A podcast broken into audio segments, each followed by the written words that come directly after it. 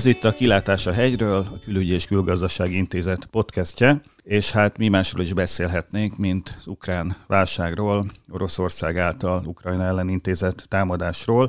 A felvétel február 25-én kora délután készül az orosz támadásnak a másnapján. Ez azért fontos, mert mire adásba kerül, lehet, hogy már bizonyos dolgok érvényüket vesztik.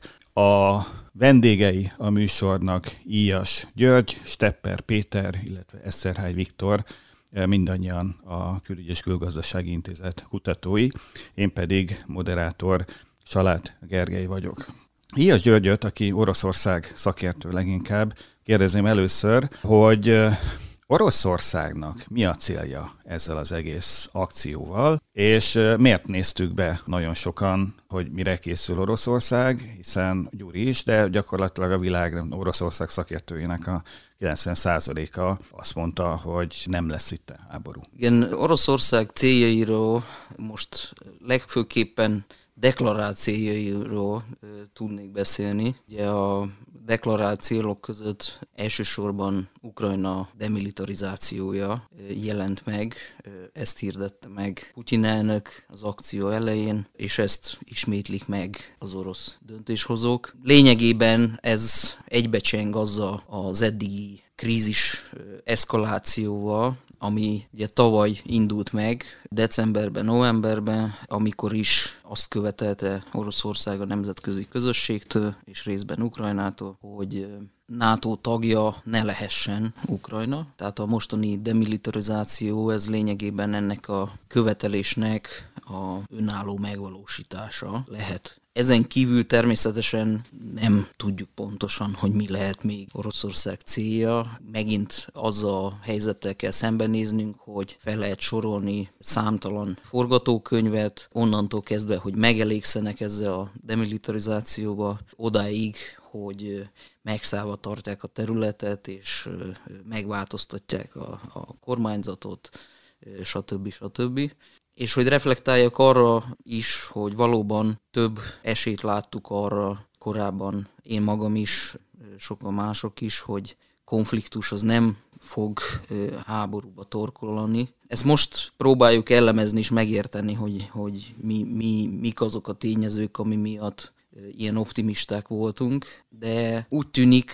számomra, hogy túlzottan bíztunk abban, hogy minden szereplő az racionális szereplő, túlzottan bíztunk abban, hogy minden szereplő belátja azt, hogy lényegében ez a forgatókönyv, a legrosszabb forgatókönyv, tehát a háború, ez gyakorlatilag minden szereplő számára rossz. Tehát, hogyha egyszerű költséghaszon számítást elvégez bármelyik nagyhatalom, bármelyik érintett szereplő, Ukrajna leginkább szenved, Oroszország szenved és szenvedni fog, veszteségekkel kell számolnia, főleg gazdasági, stratégiai szempontból. Európa súlyos veszteségeket kell, hogy majd elkönyveljen gazdasági, megint csak stratégiai szempontból is, és az Egyesült Államok is meglátásom szerint csak veszít ezen a forgatókönyvön, hiszen én azt valószínűsítem, hogy mind a konfliktus, mind az azt követő szankciós háború abba az irányba mozdítja el Oroszországot, hogy csak közelebb kerüljön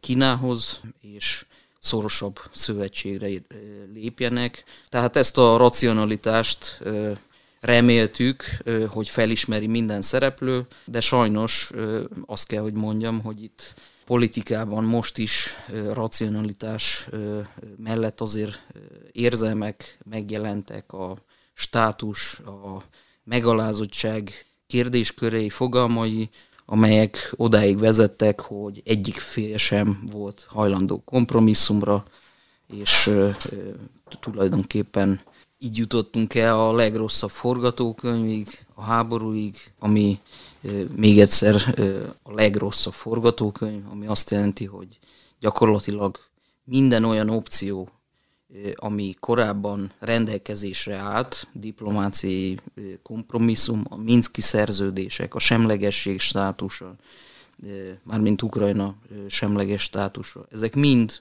jobb forgatókönyvek lettek volna ahhoz képest, ami most végül is kibontakozik a szemünk láttára. Péter, te ilyen irracionalitást a NATO, vagy így a nagybetűs nyugat részéről is éreztél? Hát azt gondolom, hogy komolyan venni az orosz fenyegetést, az hát erőteljesen ajánlott lett volna az elmúlt években, ha bár ugye a NATO Velszi csúcs óta egy ilyen hosszú adaptációs folyamat részese, vagy legalábbis megy végbe. Ugye ennek eleme volt alapvetően a NATO keleti szárnyának a megerősítése, főként ugye Lengyelország és a balti államok szorgalmazására.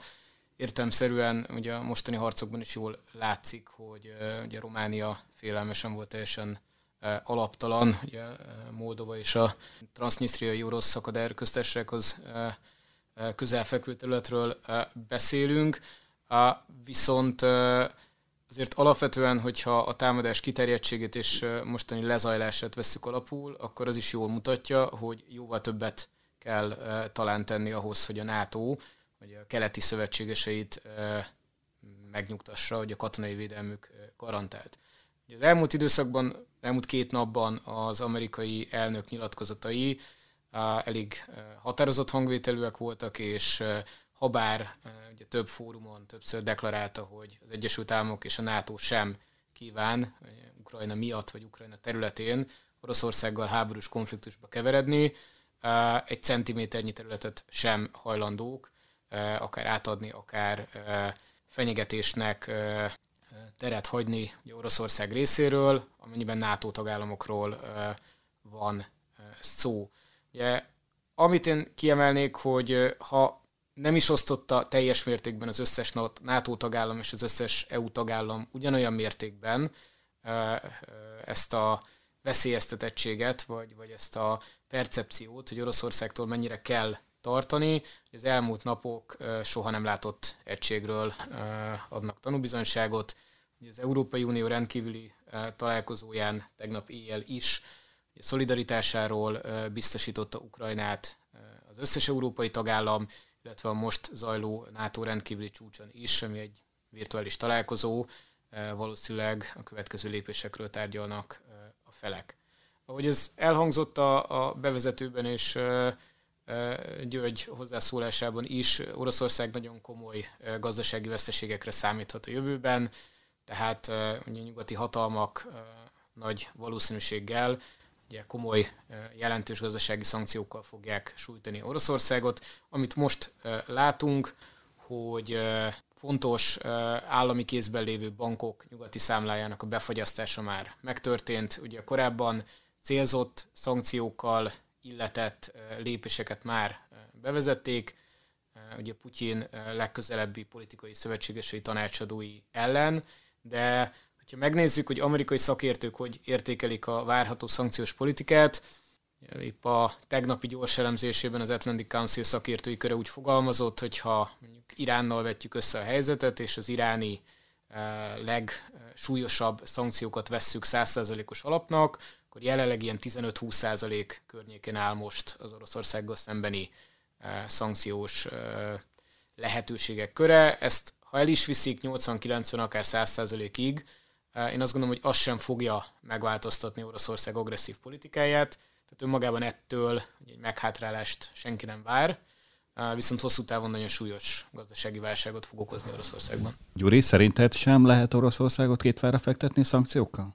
Én azt gondolom, hogy a szankciók azok jobb esetben preventíve működhettek volna, segítették volna lényegében a, a tárgyalásokat, tehát a kompromisszum megtaláláshoz ugye egy jó muníciót képezték, de azt gondolom, hogy egy ha- nagy hatalom, hogyha egyszer elhatározta, hogy neki valami biztonsági célja, az ő biztonságát veszélyeztető valamilyen kihívásra akar válaszolni, akkor abban már nem lehet megállítani csupán gazdasági szankciókkal, és hát ezt fogjuk látni a következő időszakban, hogy ezek a szankciók, ezek gyakorlatilag szét fogják zilálni részben a világgazdaságot, részben Oroszországot, kényszerűen Kína, Irán és más nem nyugati szereplők felé fogja lökni. Gyuri az első válaszában Említette, hogy ezen a háborún mindenki veszít, vagy ugye a jelenlegi helyzet mindenkinek rossz. Te egyetértesz ezzel a helyzetértékeléssel? Ezt azért kérdezem, mert a kínai médiát volt szerencsém olvasni. Az első napon nem igen szólt hozzá érdemileg a dologhoz, de a második napon, tehát ma, más óra jelentek meg azok a vezércikkek, akik ezt az egészet az USA-ra kenték rá, és a fő állítás az az, hogy a, a, egészen az USA hatalmasat nyer, hiszen ugye katonákat veszíteni nem fog, területet veszíteni nem fog, sikerül az oroszoktól elválasztani az európaiakat, tehát nem lesz egy nagy orosz európai egymásra borulás, Európa még inkább rá lesz szorulva biztonsági garanciák tekintetében az USA-ra, plusz még a hatalmas cseppfolyósított gáz készleteit is Amerika rá tudja sózni Európára, akik ugye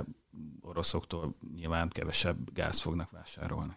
Hát én azt gondolom, hogy ezek a kínai-amerikai vetélkedés kontextusában nyilvánvalóan kínai érdekeket szolgáló uh, narratíva építés, ez uh, nem teljes mértékben hamis, tehát az igazság csíráit azért értelmszerűen ez is uh, tartalmazza.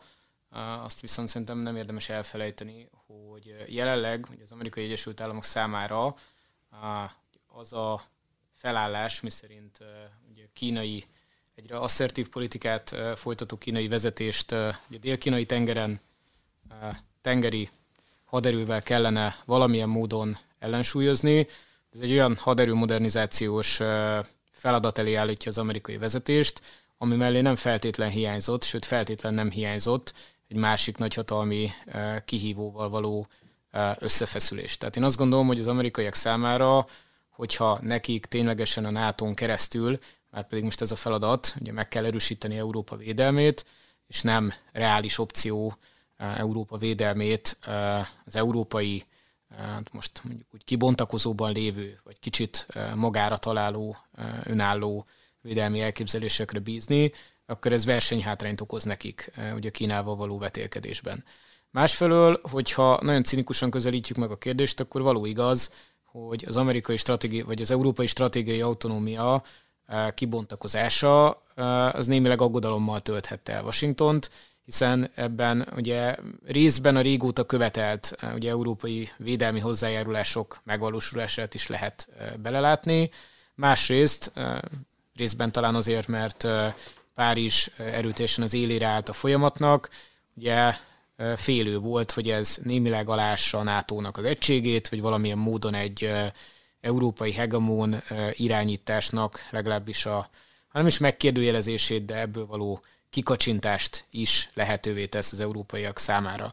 Én azt gondolom, hogy tegnap óta ennek az esélyei elég drasztikusan csökkentek, ami hát tulajdonképpen engem, mint Magyarországon, mint kisállamban élő NATO tagállamban, mondom, hogy megnyugtató, tehát, tehát bármennyire is brutális tud lenni a nagyhatalmi vetélkedés logikája, ezért még mindig sokkal nagyobb örömmel tölt el látni a nyugat egységét és a szolidaritást ezen a területen.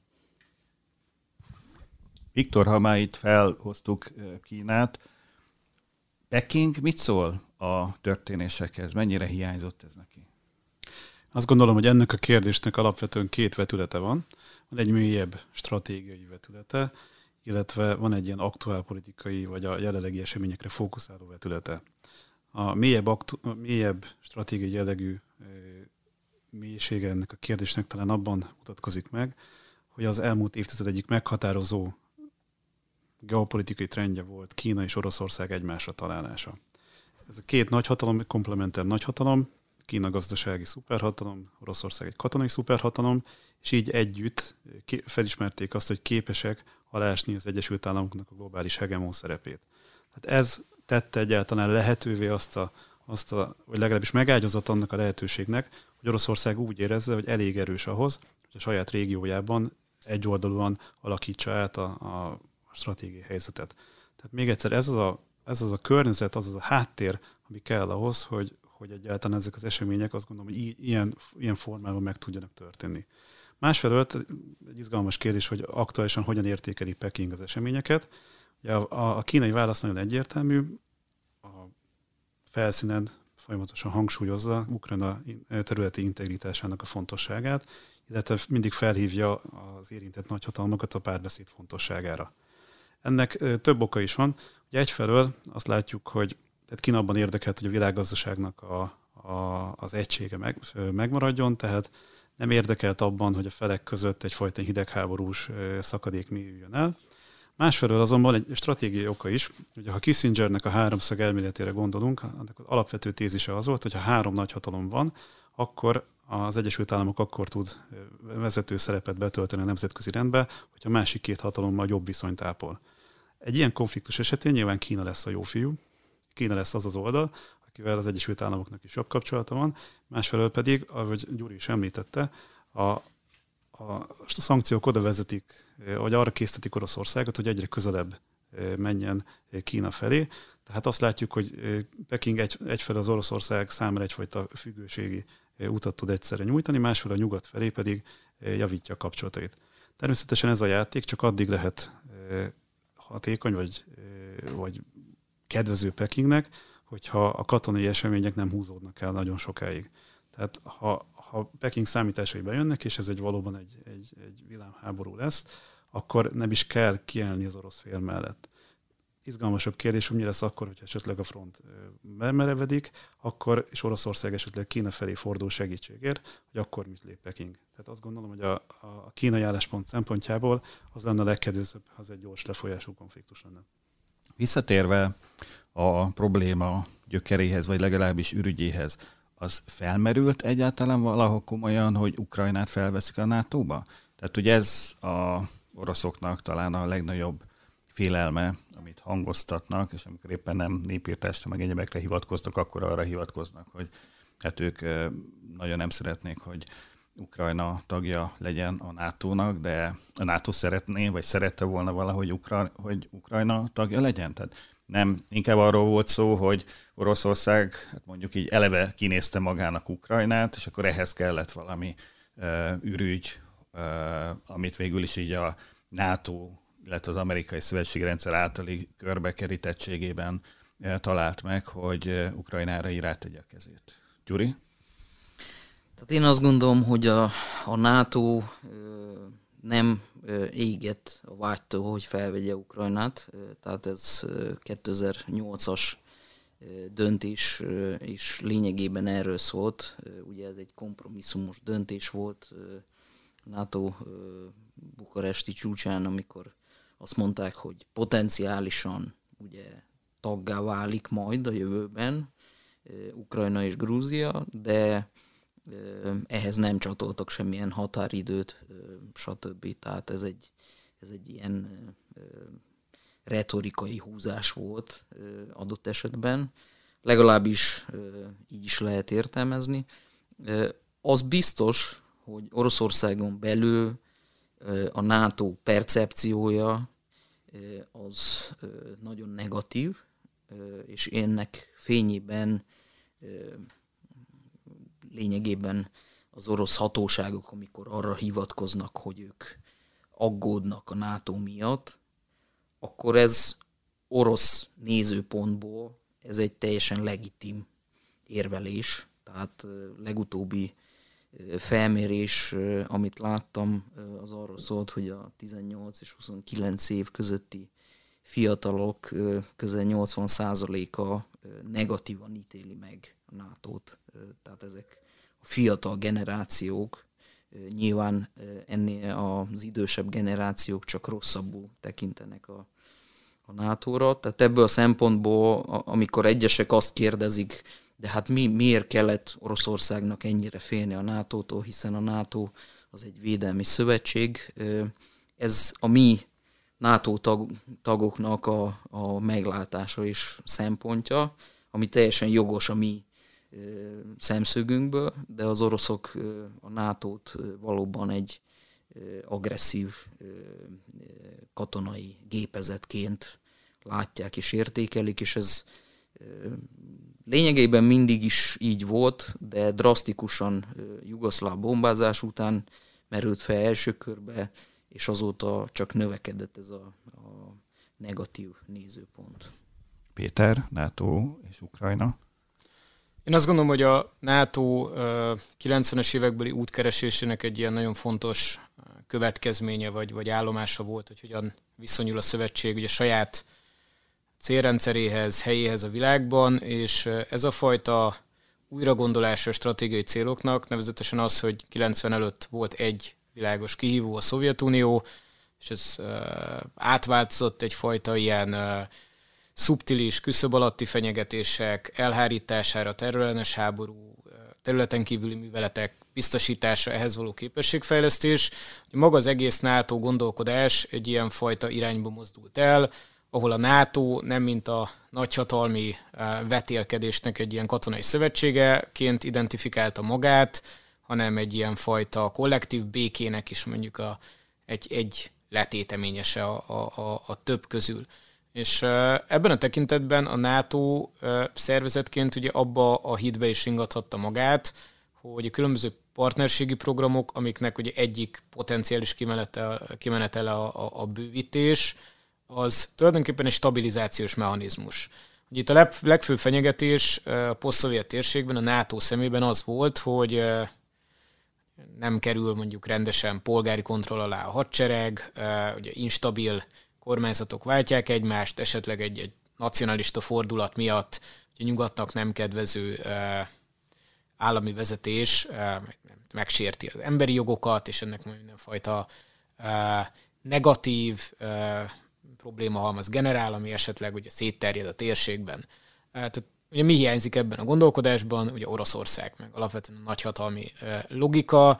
Ugye szerintem még az amerikai Egyesült Államok, hogyha visszatekintünk ugye az Obama kormányzat reset politikájára, ami itt a grúz háború környékén gyakorlatilag teljesen lekerült végül a külpolitikai agendáról, de addig ugye elég markánsan ott volt. Ugye úgy számolt, mint aki hát nem jelentős tényező, vagy legalábbis nem fogja ezeket a folyamatokat megakasztani. Ugye egyrészt azért, mert a saját nézőpontjából a NATO úgy lát, hogy amit csinál, az alapvetően egy ilyen uh, morálisan indokolható és mindenki számára előnyös folyamat. Ilyen értelemben én azt gondolom, hogy igen, tehát reális forgatókönyvként szerepelt, hogy a legtöbb posztszovjet tagállam, ha és amennyiben éretté válik, vagyis azokat a közös demokratikus értékeket, amiket a NATO tagállamok vallanak, magáinak tudja, akkor előbb-utóbb akár taggá válhat. Itt a konkrét esetben azért ez egy komoly problémát okozott, hogy részben az orosz 2014-es támadás miatt, részben belpolitikai okokból Ukrajna az elmúlt években ugye kifejezetten nem abba az irányba mozdult, hogy a NATO számára előnyös lett volna egy, egy, egy, egy csatlakozás, viszont ugye a kialakult kontextusban azt sem lehetett egyértelműen kimondani, hogy, hogy, hogy, hogy ezt a nyitott kapuk politikáját a NATO megváltoztatja. Tehát ez a kommunikációs csapda tulajdonképpen tényleg oda vezetett, ami elhangzott, hogy, hogy az eltérő percepciók, meg az egymás mellett elbeszélés olyan helyzetet teremtett, ahol egyszerűen mindkét fél úgy érezte, hogy nem tudja tárgyalásos úton megoldani ezt a helyzetet.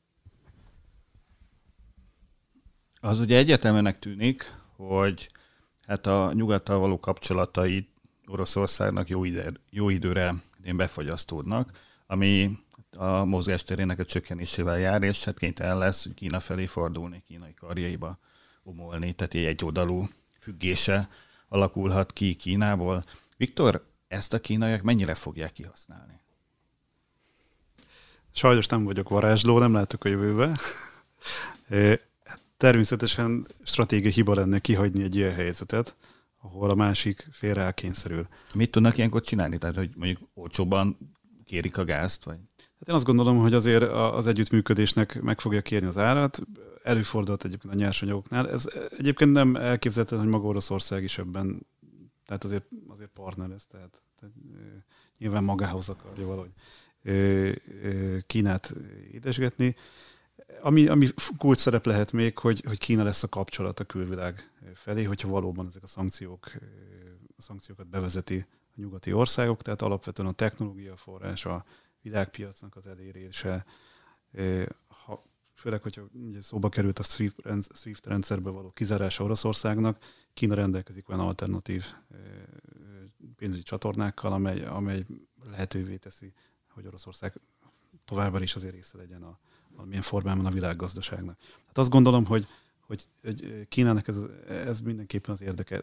Az egy, az egy másik kérdés, hogy érdemese valamilyen formában olyan szívességet nyújtani Oroszország, amely felé, amely, amely nem csak kihasználja ezt a helyzetet, hanem esetleg stratégiai szempontból esetleg később visszakérhető. Tehát ezen biztosan most Pekingben gondolkoznak, hogy hogyan lehetne még jobban kihasználni ezt a helyzetet. Nem csak ezt a nagyon leegyszerűsítő vázlat, vagy nem csak ez a leegyszerűsítő válasz van, hogy, hogy most gyenge, most kell kihasználni, hanem azt gondolom, hogy azért egy hosszú távú stratégiai gondolkodás van ezzel kapcsolatban. Gyuri, jelentkezem.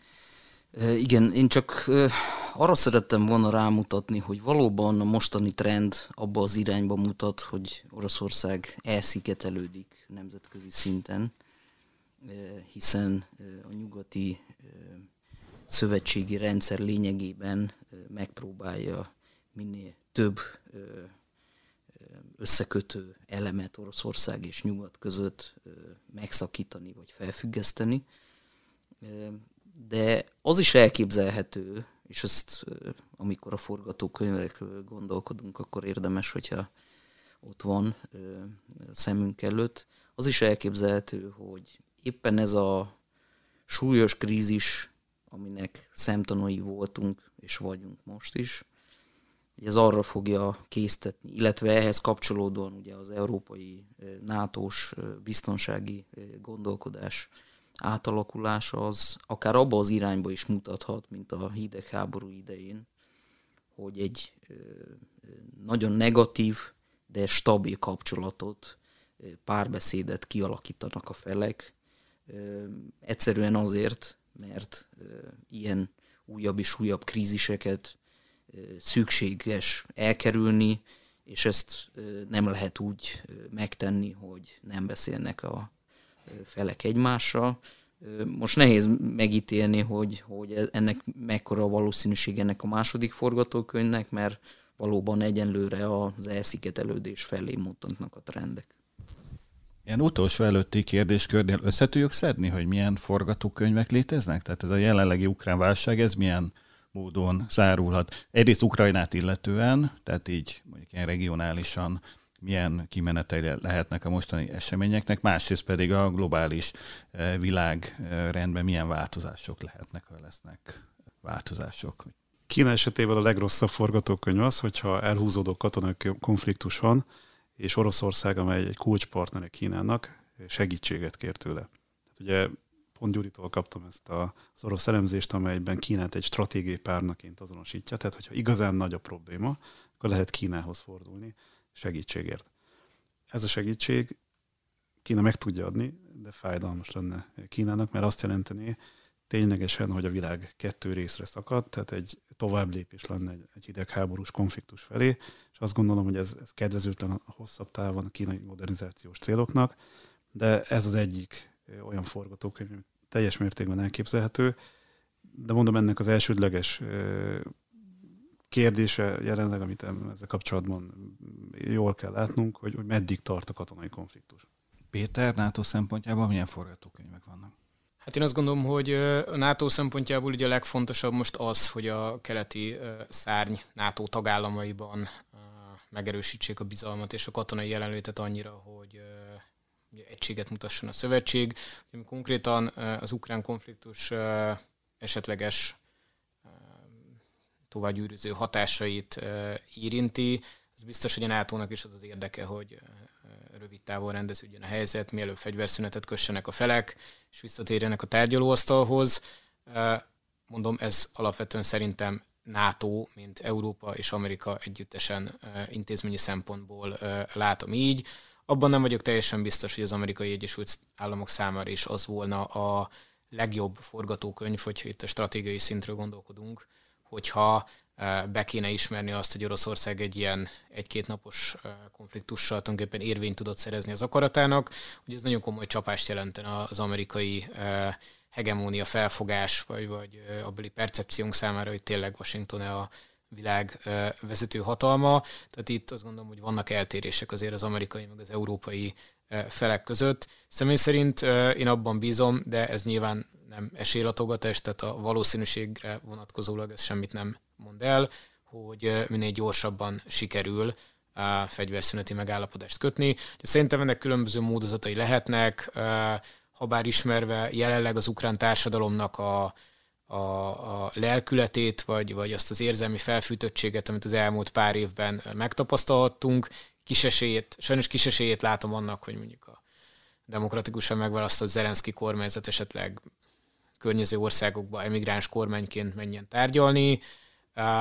Az, amit most látunk, hogy nagyon sokan ugye nyugati médiában is bíznak abban, hogy egy gerilla háború, vagy tizenéves gyerekek, meg 60 év fölötti nyugdíjasok molotov koktéllal felfegyverzése az majd meghátrálásra kész, készszeríti, vagy kényszeríti a, a támadó orosz erőket. Ez szerintem egy, egy veszélyes illúzió, veszélyes abban a tekintetben, hogy növeli majd a polgári áldozatok számát. Nyilván minél nagyobb a humanitárius katasztrófa, annál inkább el fogja ítélni a világ az orosz katonai cselekményeket. Másrésztről ezek az emberek már nem fognak föltámadni. Tehát én azt gondolom, hogy a morális és erkölcsös az, hogyha ha abban reménykedünk, vagy azt támogatjuk, hogy minél előbb abban maradjon a aktív fegyveres konfliktus. Gyuri, te itt konkrétan a konfliktusnak milyen kimeneteleit látod esélyesnek? Megmondom őszintén, hogy most már ö, eléggé óvatosan ö, tudnék csak ö, előrejelzést mondani.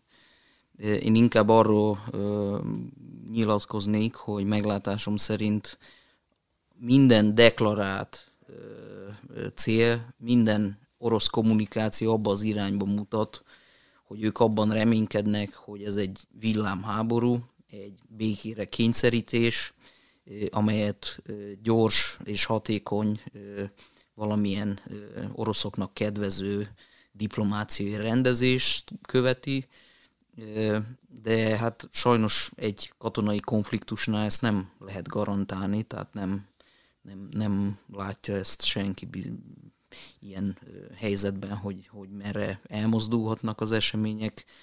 Én is abban tudom csak reménykedni, hogy minél gyorsabban tudnak a, a felek, az aktív katonai műveletek, tehát a harc felől elmozdulni a valamilyen tárgyalásos megoldás felé. Ahogy az elején említettem, lényegében bármilyen megoldás, bármilyen megoldás jobb annál, amit most tapasztalunk, és ebből a szempontból is a, az ukrán, illetve az orosz fél is jó, hogyha nyitott arra, hogy mégiscsak tárgyaljanak egymással. Csak ebben tudunk most reménykedni, azt gondolom.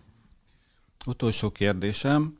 Ugye, tegnap, hát nyilván kicsi hatás vadászmódon, ez nagyon sok médiumban elhangzott az az állítás, hogy hát ez a nap, ez be fog kerülni a történelem könyvekben, mert itt egy történelmi fordulópontról van szó. Szerintetek tíz év múlva tudni fogjuk, hogy 2022. február 24-én mi történt? Vagy pedig ez ugyanúgy elsikadt, mint a nem tudom, grúz invázió annak idején, vagy százezer másik hasonló eset, a, a, a, akár csak a, a közelmúltban.